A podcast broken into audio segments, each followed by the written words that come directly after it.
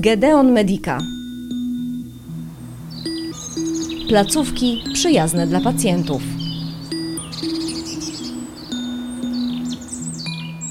Bardzo wielu z nas miało do czynienia z logopedią, logopedami. Neurologopedia brzmi nieco przerażająco, szczerze mówiąc. Co to jest? Alina Dąbrowska, jestem neurologopedą i terapeutą karmienia.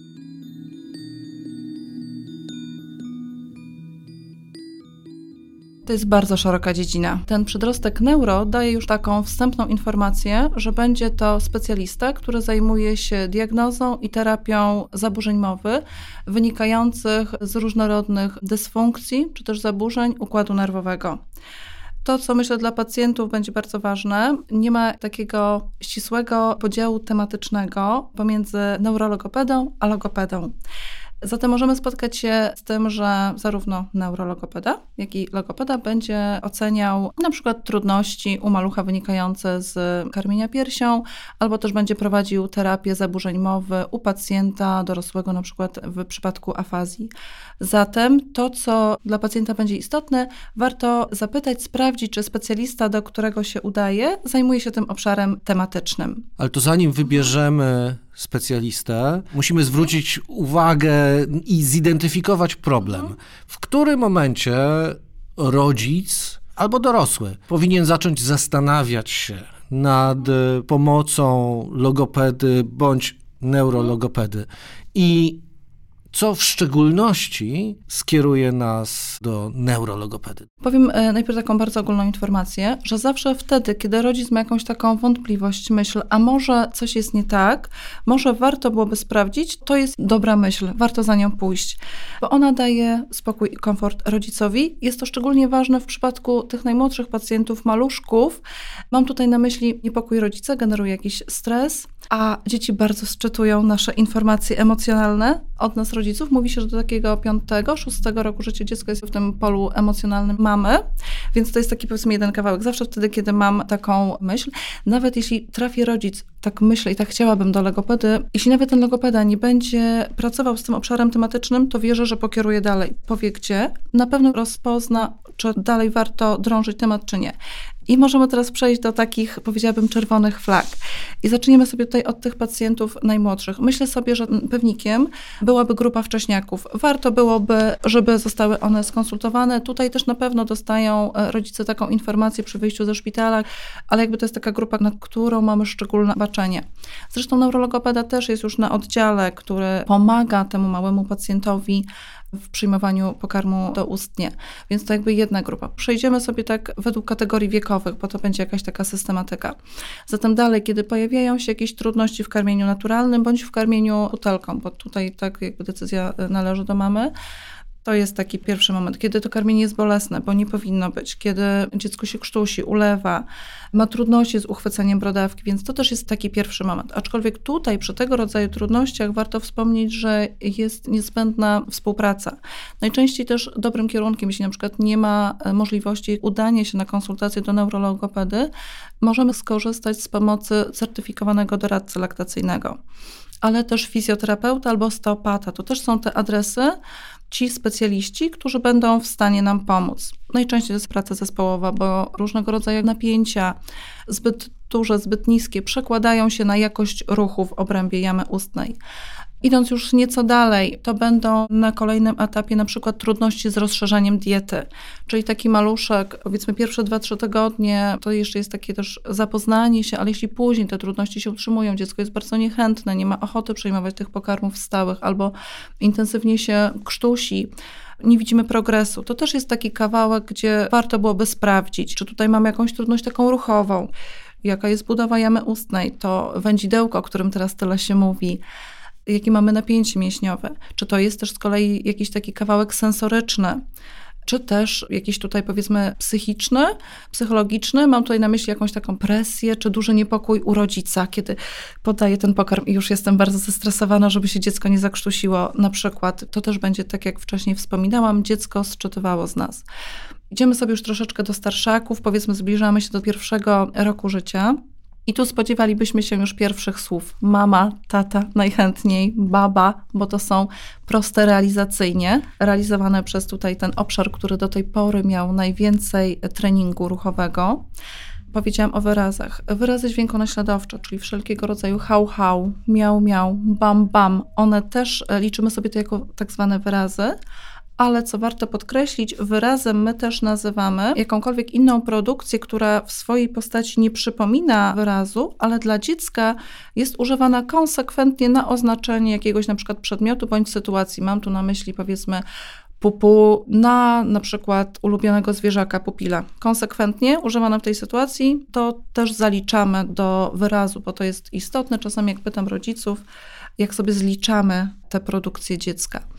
Czyli te pierwsze wyrazy, ale tutaj oprócz wyrazów też jeszcze warto zwrócić uwagę na takie umiejętności, które nazywamy sobie bazowe umiejętności komunikacyjne. A zatem, czy dziecko reaguje na imię, jak zawołam je? Z tym, że reakcja na imię to nie jest Kasiu, buty, bo nie wiemy, na który człon wypowiedzi dziecko zareagowało, tylko ta forma imienia, której używamy na co dzień najczęściej. Czy mamy taki komunikacyjny kontakt wzrokowy, czyli mamy wrażenie, że jesteśmy w takiej wymianie z tym dzieckiem, kiedy bawimy się. Czy jest coś takiego jak wspólne pole uwagi? Generalnie te umiejętności, o których mówię, one około dziewiątego miesiąca się pojawiają, ale będziemy dalej też ich oczekiwać, będziemy sobie sprawdzać je, kiedy mamy mniej tych wypowiedzi, wypowiedzi werbalnych, czyli wracamy do tego wcześniejszego etapu. Ten komunikacyjny kontakt wzrokowy, wrócę do niego na chwilę, bo czuję, że bardzo zamieszałam. To jest takie przenoszenie wzroku. Na przykład dziecko widzi ciekawy przedmiot, patrzy na przedmiot, na mamę. Hej, czy ty widzisz to? Zobacz, czym się zainteresowałam bardzo ważna kolejna umiejętność to jest wskazywanie palcem. To też może być gest ręką, jakby mówimy tak, wskazywanie palcem, czyli użycie tej dłoni też jako chęci też przekazania komunikatu. Ten gest ma wiele funkcji, ale może na, jakby na razie zatrzymajmy się na tym, że sprawdzamy, czy nasze dziecko ma tą umiejętność. I kolejna umiejętność naśladowania. Czyli gdzieś w różnych zabawach, które prezentujemy, patrzymy sobie, czy dziecko później jakby próbuje powtórzyć te zabawy, czy używa jako klocka jego telefonu. To jest sytuacja, którą często widuję, więc gdzieś próbuję odtwarzać. To są takie podwaliny, na których buduje się mowa werbalna. Przejdźmy dalej do tej mowy werbalnej, bo byliśmy u roczniaka. Idziemy sobie dalej, czyli ten system słownikowy nabudowuje się, rozbudowuje. Mamy już takiego brzdąca półtora rocznego, około 20 miesiąca życia, to jest też taki bardzo intensywny przyrost słownika, zmierzając sobie powoli do dwulatka, u którego oczekiwalibyśmy połączeń dwóch elementów. Nie oczekujemy tu struktury rzeczownik-czasownik. Jak najbardziej prawidłową będzie struktura na przykład mamo, u, mamo tu, tata chodź, tata chodź. Czyli czy pojawiają się jakieś próby połączenia? Ok, przejdźmy do trzylatka. Tutaj już mamy wypowiedzi zdaniowe. One mogą być nieprawidłowe pod względem fleksyjnym, pod względem jeszcze gramatycznym. Mogą być dłuższe wyrazy, sylaby możemy mieć zamienione, jakieś głoski opuszczone, zwłaszcza w zbitkach spółgłoskowych, gdzie dziecko sobie próbuje tutaj poradzić artykulacyjnie. Ale mamy już tutaj te wypowiedzi zdaniowe. Trzylatek będzie już, oczekiwalibyśmy już tych dźwięków ś, zi, dzi, p, b, m, f, w tdn, kg, l. Dźwięki z, c, d mogą być zamieniane na te łatwiejsze, tak zwane miękkie i sz, cz, także. To, co tutaj będzie zwracać naszą uwagę, to na przykład język, który widzimy, wsuwa się w przestrzeń międzyzębową w trakcie realizacji różnych dźwięków. Ten język pojawiający się między zębami zwraca naszą uwagę jakby niezależnie od wieku, bo potrzebujemy sprawdzić, jaka jest przyczyna bo to nie jest normatywna wymowa e, dla naszych dźwięków. Byliśmy przy trzylatku, czterolatek. To jest już człowiek, który dużo pyta, zadaje pytania.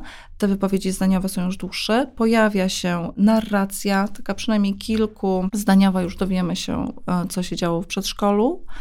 E, pojawiają się dźwięki s, z, c, dz, nazywane przez nas jako syczące. Pięciolatek. Tutaj już mamy jeśli przyjrzymy się artykulacji sz, czy dż, dłuższe wypowiedzi, już dosyć rozbudowane, także dużo pytań. I sześciolatek mówimy już to jakby o takim zakończonym rozwoju, ale w takim zakresie dźwiękowym, bo rozwój mowy nadal, no bo mamy nawet przerost słownika, który w zasadzie na każdym etapie jest. E, dobrze, czyli od sześciolatka już byśmy oczekiwali, że tak realizacyjnie te wszystkie dźwięki naszej mowy będą już wymawiane prawidłowo, łącznie z tą e, słynną głoską R. To powiedzmy wiekowo, ale jeszcze kilka mamy takich momentów, które mogą się pojawić niezależnie od wieku, na które warto zwrócić uwagę. I mam tu na myśli niepłynność mowy, to co nazywamy potocznie jąkaniem, zacinaniem się to też zawsze warto skonsultować. U takich maluszków mamy bardzo fajne takie programy oddziaływania. Niekoniecznie oddajemy tego malucha od razu terapii i uczymy go płynnej mowy, aczkolwiek jeśli jest taka potrzeba, też jak najbardziej, ale mamy też takie metody pośrednie, oddziaływujące na środowisko dziecka i one są też bardzo, bardzo skuteczne. To zacinanie zawsze będzie taką czerwoną flagą. Inna taka sytuacja nazywamy to mutyzmem, czyli dziecko mówiło, realizowało wypowiedzi, a nagle milknie, wtedy możemy mieć całkowity, albo częściowy, na przykład przestaje mówić w placówce, albo wobec na przykład jakiejś konkretnej osoby. Więc to też jest taka sytuacja. Często zrzucamy jeszcze to na karp nieśmiałości. Warto to zróżnicować i uważnie się temu przyjrzeć. O otwartej buzi i tym ustnym torze oddechowym już wspomniałam, ale żeby to jeszcze wybrzmiało, jak zobaczymy nasze dzieciątko śpiące z otwartą buzią, Oczywiście pomijamy okres infekcji, kiedy nos jest niedrożny, to zawsze też warto poobserwować to kilka nocy, czy to jest jakaś taka sytuacja dłuższa po tej infekcji i też warto skonsultować się, jak pomóc temu dziecku do powrotu do tego normatywnego toru oddechowego, bo to nam rodzi ogromne takie komplikacje, nawet natury, powiedziałabym, i zgryzowej, i kształtowaniu się kości. I zmierzając już powoli do końca, mam na myśli teraz jeszcze tutaj pacjentów nieco starszych, tak zwanych ortodontycznych, więc to będzie pacjent niezależnie od wieku, gdzie tutaj nasza działka to będą tak zwane funkcje prymarne. Myślę, że będzie okazja za chwilę to rozwinąć, więc zaznaczę, że pacjent ortodontyczny, dorośli, tak, czyli wady wymowy, to też jakby jest nasza działka neurologopedyczna. I ostatni, powiedzmy, taki kawałek, kiedy też możemy skorzystać z pomocy neurologopedy, to mamy emisja głosu. Tutaj, jak mogę polecić, jest bardzo ciekawa książka pani Anety Łastik, Poznaj swój głos, ukazująca też, powiedziałabym, nie tylko takie techniczne spojrzenie na nasz głos, na realizację, ale też emocjonalne. Mm, bardzo polecam.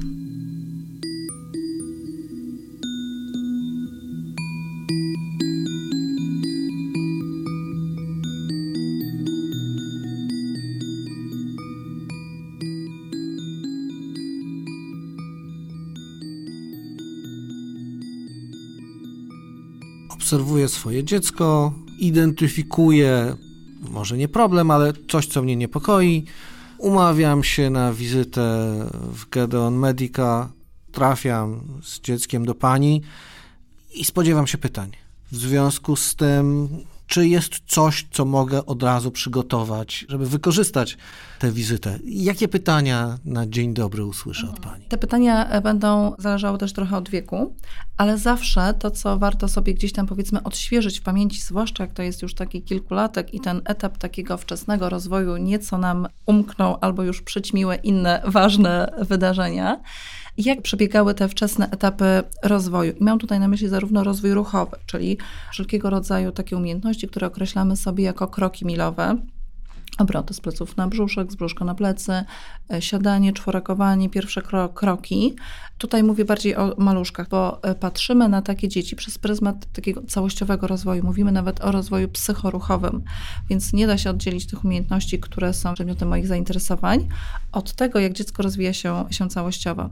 Ale jeszcze wcześniej, jak sobie spojrzymy, to też będę pytała o, możemy sobie nazwać to w ogóle takim wywiadem ciążowo-porodowym, jak też ten etap bardzo ważny dla rozwoju dziecka przebiegał, bo tutaj mamy okres kształtowania się też całej anatomii. Zatem warto zabrać na przykład też książeczkę zdrowia dziecka, zwłaszcza jeśli mamy tą historię medyczną jakoś rozbudowaną, bo mogą się mieszać wtedy te informacje, więc to jest dobry trop. Zatem możemy sobie spróbować przypomnieć, spisać na karteczce nawet te momenty, kiedy te umiejętności się pojawiały. Jeśli przychodzimy z takim zapytaniem, niepokojem, że moje dziecko mało mówi, to ja próbuję dociec, co to znaczy mało, czyli ile mamy tych wypowiedzi czy wyrazów, a zatem też sobie warto zrobić powiedzmy przez tydzień taką listę, gdzieś mieć karteczkę na wierzchu i spisywać, co się pojawiło, bo nasza pierwsza wizyta w ogóle trwa pół godziny zazwyczaj, więc to jest takie, powiedziałabym, wizyta, która ma na celu odpowiedzieć na pytanie, aha, norma jakby jest ok, czy potrzebujemy na przykład głębszej diagnostyki. Zatem ten czas bardzo szybko mija i jak sobie pomożemy w ten sposób, to już mamy dużo więcej informacji. E, jak rodzice gdzieś tam o tym zapomną, ja też ich proszę na kolejne spotkanie, żeby przygotowali, więc to jakby nie stresujemy się, jak nie mamy tego przy sobie. Słownik. Jeśli to jest pacjent, który ma trudności w na przykład rozszerzaniu diety, to bardzo cenne są filmiki z tych momentów, kiedy dziecko je posiłki. Fajnie, jeśli to są na przykład jakieś kilka, dwu, trzyminutowych, czy nawet krótszych filmików, kiedy dziecko spożywa pokarmy różnorodne, czy też próbuje pić z kubeczka, czy z tego powiedzmy naczynia, które rodzic oferuje, to też daje mi taką informację, jak przebiegają te umiejętności motoryczne, bo oczywiście możemy spróbować w gabinecie poprosić rodzica o jakieś przekąski, ale nowe miejsce, nowa osoba, niekoniecznie taki maluch plus pora, to jest dużo czynników, które mogą spowodować, że niekoniecznie mam ochotę zaprezentować. Poza tym na takich filmikach ja też widzę jakby, jak jest przygotowane otoczenie. Mam na myśli tutaj, czy są jakieś bodźce, rozpraszacze w postaci ekranów, jakie jest tempo karmienia, jak wygląda w ogóle ta sytuacja, czy dziecko jest uczestnikiem wspólnych posiłków, co jest bardzo ważne i takie nieoczywiste dzisiaj. Zatem, jeśli mamy jakąś historię medyczną, to warto zabrać też wyniki badań specjalistycznych. Mam tu na myśli szczególnie badanie słuchu, jakąś diagnozę neurologiczną, diagnozę psychologiczną czy procesów integracji sensorycznej czy od fizjoterapeuty mamy jakąś informację zwrotną, to też buduje mi obraz całościowy. U tych maluchów też będę dopytywała, jak przebiegało karmienie naturalne, czy karmienie z butelki, czy były jakieś trudności, bo to też nam daje dużo informacji. W kontekście opóźnionego rozwoju mowy, czyli tych maluchów, które mniej mówią niż oczekiwalibyśmy, pytam zazwyczaj, czy dziecko ma kontakt i jak długi z ekranami. Tak to mówimy w skrócie ekranami, ale mam tu na myśli bajki jakby niezależnie od sprzętu, ale tego typu wysoką technologię, bo to też jest dla mnie bardzo ważne. I to chyba byłyby takie główne zagadnienia, o które pytam. Chciałabym jeszcze tylko dodać, że te informacje ja czasami doprecyzowuję, dopytuję. Chcę uspokoić rodziców, że to nie jest absolutnie oceniające. Sama jestem mamą dwójki dzieci i bardzo wiele rzeczy rozumiem, i ta moja rola bardzo mi pomogła w innym spojrzeniu szerszym. Chciałam uspokoić, żebyśmy się nie stresowali tymi pytaniami, bo często widzę gdzieś u rodziców taki stres, jak próbujemy dociec, ile tych bajek jest. To nie jest absolutnie oceniające. Pozwala nam zebrać precyzyjne informacje o dziecku. Wspomniała Pani o funkcjach prymarnych, e, pierwotnych. Mhm. O czym mówimy? Jak nazwa wskazuje, pierwotne, czyli takie, które pojawiają się na bardzo wczesnym etapie i są podwaliną do budowania się kolejnych umiejętności. Mam na myśli tutaj oddychanie, odgryzanie, gryzienie, rzucie pokarmów, połykanie. Nie są one kojarzone z tym, że są obszarem pracy neurologopedów. I że często jak przychodzi rodzic i mówi, że moje dziecko nie mówi głoski r albo sz i chciałabym, żeby pani popracowała nad tym obszarem. Ja tutaj dopytuję albo zwracam uwagę właśnie na tą otwartą buzię, czy dopytuję o te wcześniejsze, to jest czasami jeszcze zadziwiające. I już tłumaczę o co chodzi. Te funkcje, o których wymieniłam, zwłaszcza oddychanie, ono dzieje się cały czas. Kolejne, powiedzmy, w mniejszej częstotliwości, ale też zajmują dużą część naszego życia. A zatem, jeśli przebiegają one w nieprawidłowy sposób, mają nieprawidłowy wzorzec ruchowy, to to będzie przekładało się na wymowę, dlatego że nasza wymowa jest umiejętnością kształtującą się na tych samych zespołach nerwowo-mięśniowych. Zatem, jeśli mamy tutaj jakiś nieprawidłowy tor, to te głoski też będą realizowane w zmieniony sposób. Zatem bardzo często mam nadzieję, że teraz już tak się dzieje, że zaczynamy terapię od korekty, jeśli jest taka potrzebna, od korekty tych funkcji, a nie pracujemy na wymowie, która jest taką, powiedziałabym, jest fajny obraz góry lodowej. W ogóle to jest ciekawy obraz używany do zobrazowania wielu sytuacji i tutaj dla tych funkcji też jest idealne, że te funkcje prymarne, o których mówiłam, są jakby pod powierzchnią. Wymowa jest taką wisienką na torcie. I często też widzimy, że ja też tego doświadczam w swojej pracy, że jeśli poprawnie zbudujemy te funkcje, to część głosek sama nam się skoryguje, ale ta praca jest dużo krótsza. Poza tym mamy szansę na zautomatyzowanie tej głoski, bo celem naszej pracy terapeutycznej jest poprawna realizacja swobodna na co dzień. Zatem, jeśli będziemy zaczynali od tej strony odgłoski, pomijając te aspekty, to możemy mieć taką sytuację mowy tak zwanej gabinetowej, czyli przy dużej takiej samodyscyplinie i korekcie pacjent jest w stanie zrealizować ten dźwięk, ale kiedy dochodzą czynniki emocjonalne, bo mowa służy do przekazania emocji, to gdzieś wracają te stare programy ruchowe. Zatem patrzymy sobie, jak pacjent odgryza, jak e, obrabia ten pokarm, jak żuje, czy w miarę symetrycznie, czy, czy jest to z otwartą buzią rzucie. Więc jakby wiele czynników sobie obserwujemy i mamy obraz tego, jak może mówić. Jestem w stanie sobie wyobrazić, że jest bardzo wiele czynników i przeświadczeń, które spowodują, że tracimy czujność, bo na przykład w domu mówimy w więcej niż jednym języku i to bardzo często słyszymy, że dzieci z domów dwujęzycznych mówią później albo mniejszy mają zasób słów. Dużo jest tego rodzaju mitów czy przeświadczeń, które utrudniają rozpoznanie, że w ogóle istnieje jakiś problem? Jest bardzo dużo mitów. O jednym z nich pan powiedział, że dziecko dwujęzyczne może mówić później. I nie może być takiej sytuacji. Dwujęzyczność, chcę, żeby to wybrzmiało, nie jest powodem opóźnionego rozwoju mowy. Warto o tym pamiętać i jeśli mm, jest taka sytuacja, też zasięgnąć porady specjalisty czy potrzebujemy sprawdzić może słuch, czy inne czynniki, bo dzieci dwujęzyczne są tak samo narażone na wszelkiego rodzaju zaburzenia mowy, tak jak dzieci jednojęzyczne, więc to jest bardzo ważna, e, ważna informacja, żebyśmy o tym pamiętali. Idealnie by było, gdyby ta terapia była prowadzona w obu językach, ale to jest jakaś wersja powiedzmy deluxe. Jeśli to jest rodzina mieszana, to może być tak, że logopeda prowadzi terapię w języku polskim, a drugi rodzic odtwarza te zabawy, aktywności w swoim języku. Często też tutaj rodzice korzystają z terapii online, jeśli są gdzieś w kraju, gdzie na przykład to patrzenie na dziecko dwujęzyczne jest takie, powiedziałabym, bardzo szerokie. Na przykład w Wielkiej Brytanii często słyszę o tym od moich koleżanek, bo ja gdzieś z dwujęzycznością mam dużo mniejszy kontakt, ale to też jest jakaś opcja, tak? Rodzice dostają informacje, instrukcje, jak pracować z tym dzieckiem, bo warto wspomnieć w kontekście dwujęzyczności, ale w ogóle terapii małego dziecka, że wiele z tych naszych aktywności, które proponujemy, powiedziałabym nawet może główny ciężar, to są aktywności odtwarzane w domu, kontynuowane, bo tutaj w gabinecie spotykamy się raz na jakiś czas z terapeutą.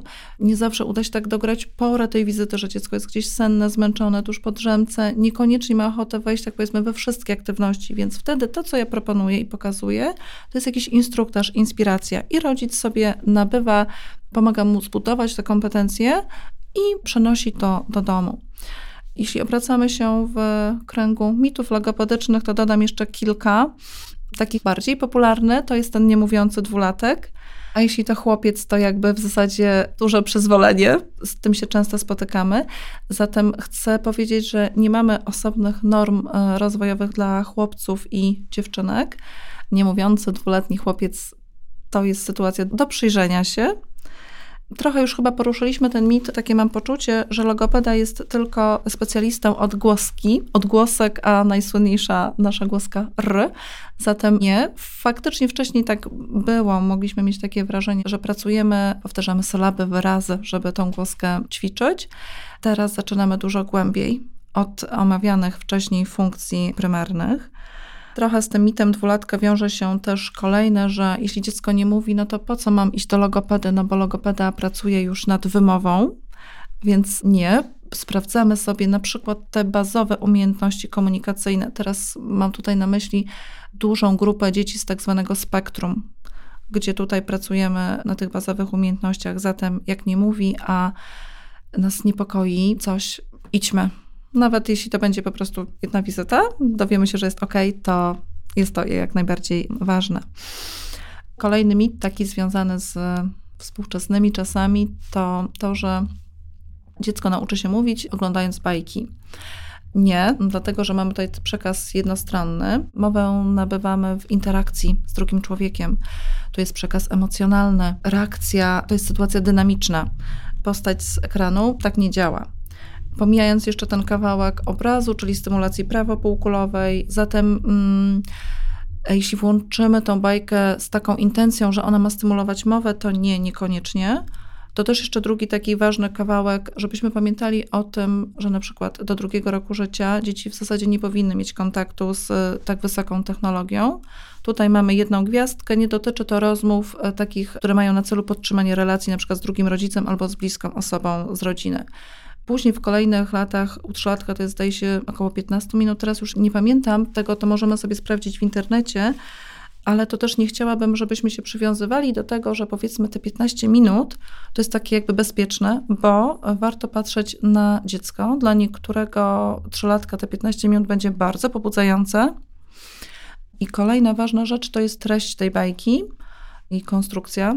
Obraz, dźwięk, jeśli to są jakieś szybkie, dynamiczne akcje, to mogą być przeciążające dziecko. Zatem nie tylko ten czas jest ważny, ważna jest treść, a zatem jeśli chcielibyśmy jeszcze wykorzystać na przykład tą bajkę do celów takich, powiedziałabym, stymulujących mowę, to wersja idealna byłaby taka, gdzie obejrzymy tą bajkę razem z dzieckiem, możemy komentować na bieżąco, co się dzieje, a później na przykład tą tematykę jakoś wpleść we wspólną zabawę, jakiś obrazek pokolorować o tej tematyce, czy gdzieś jakby jeszcze odnieść się do tej sytuacji.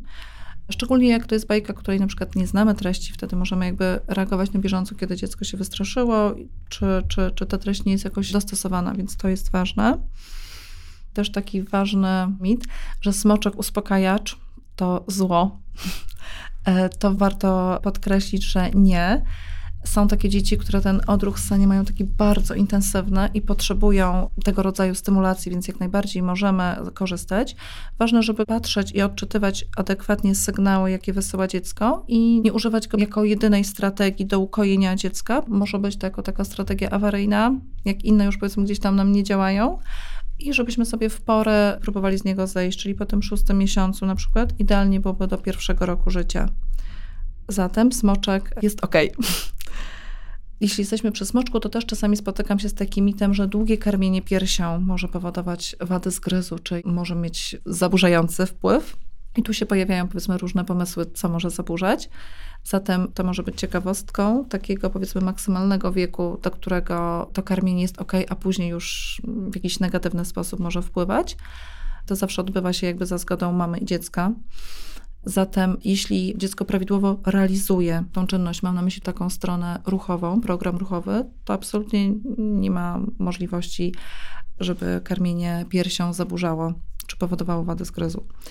Ostatni mit, który przychodzi mi do głowy, to to, że taki maluch niemówiący, mam na myśli tutaj powiedzmy dwulatka, dwa i pół czy trzy, jak pójdzie do placówki, do grupy dzieci, to tam się rozgada. Warto pamiętać, że dwulatek, czynnik towarzyski, czyli ta grupa rówieśnicza jest dla niego drugorzędna. Bazowa jest bezpieczna relacja z dorosłym, z opiekunem.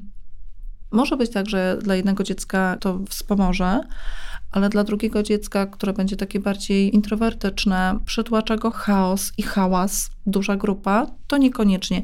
Zatem nie chciałabym, żebyśmy myśleli, że to jest jako powiedzmy alternatywa dla terapii, oddziaływanie grupy rówieśniczej, bo też dwulatki, jak sobie spojrzymy na taką grupę bawiących się dzieci, to są, to jest tak zwana zabawa równoległa.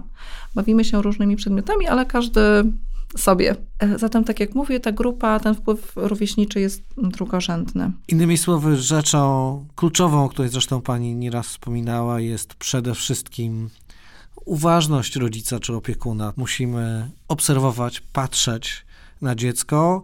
Jeżeli coś nas zaniepokoi, wziąć telefon, umówić się na wizytę u neurologopedy w Gedeon Medica. W najlepszym wypadku będzie to dobrze spędzone pół godziny, które nas po prostu uspokoi, a jeżeli trzeba podjąć pracę, to również będzie to dobry początek. Bardzo Pani dziękuję. Dziękuję serdecznie. Gedeon Medica.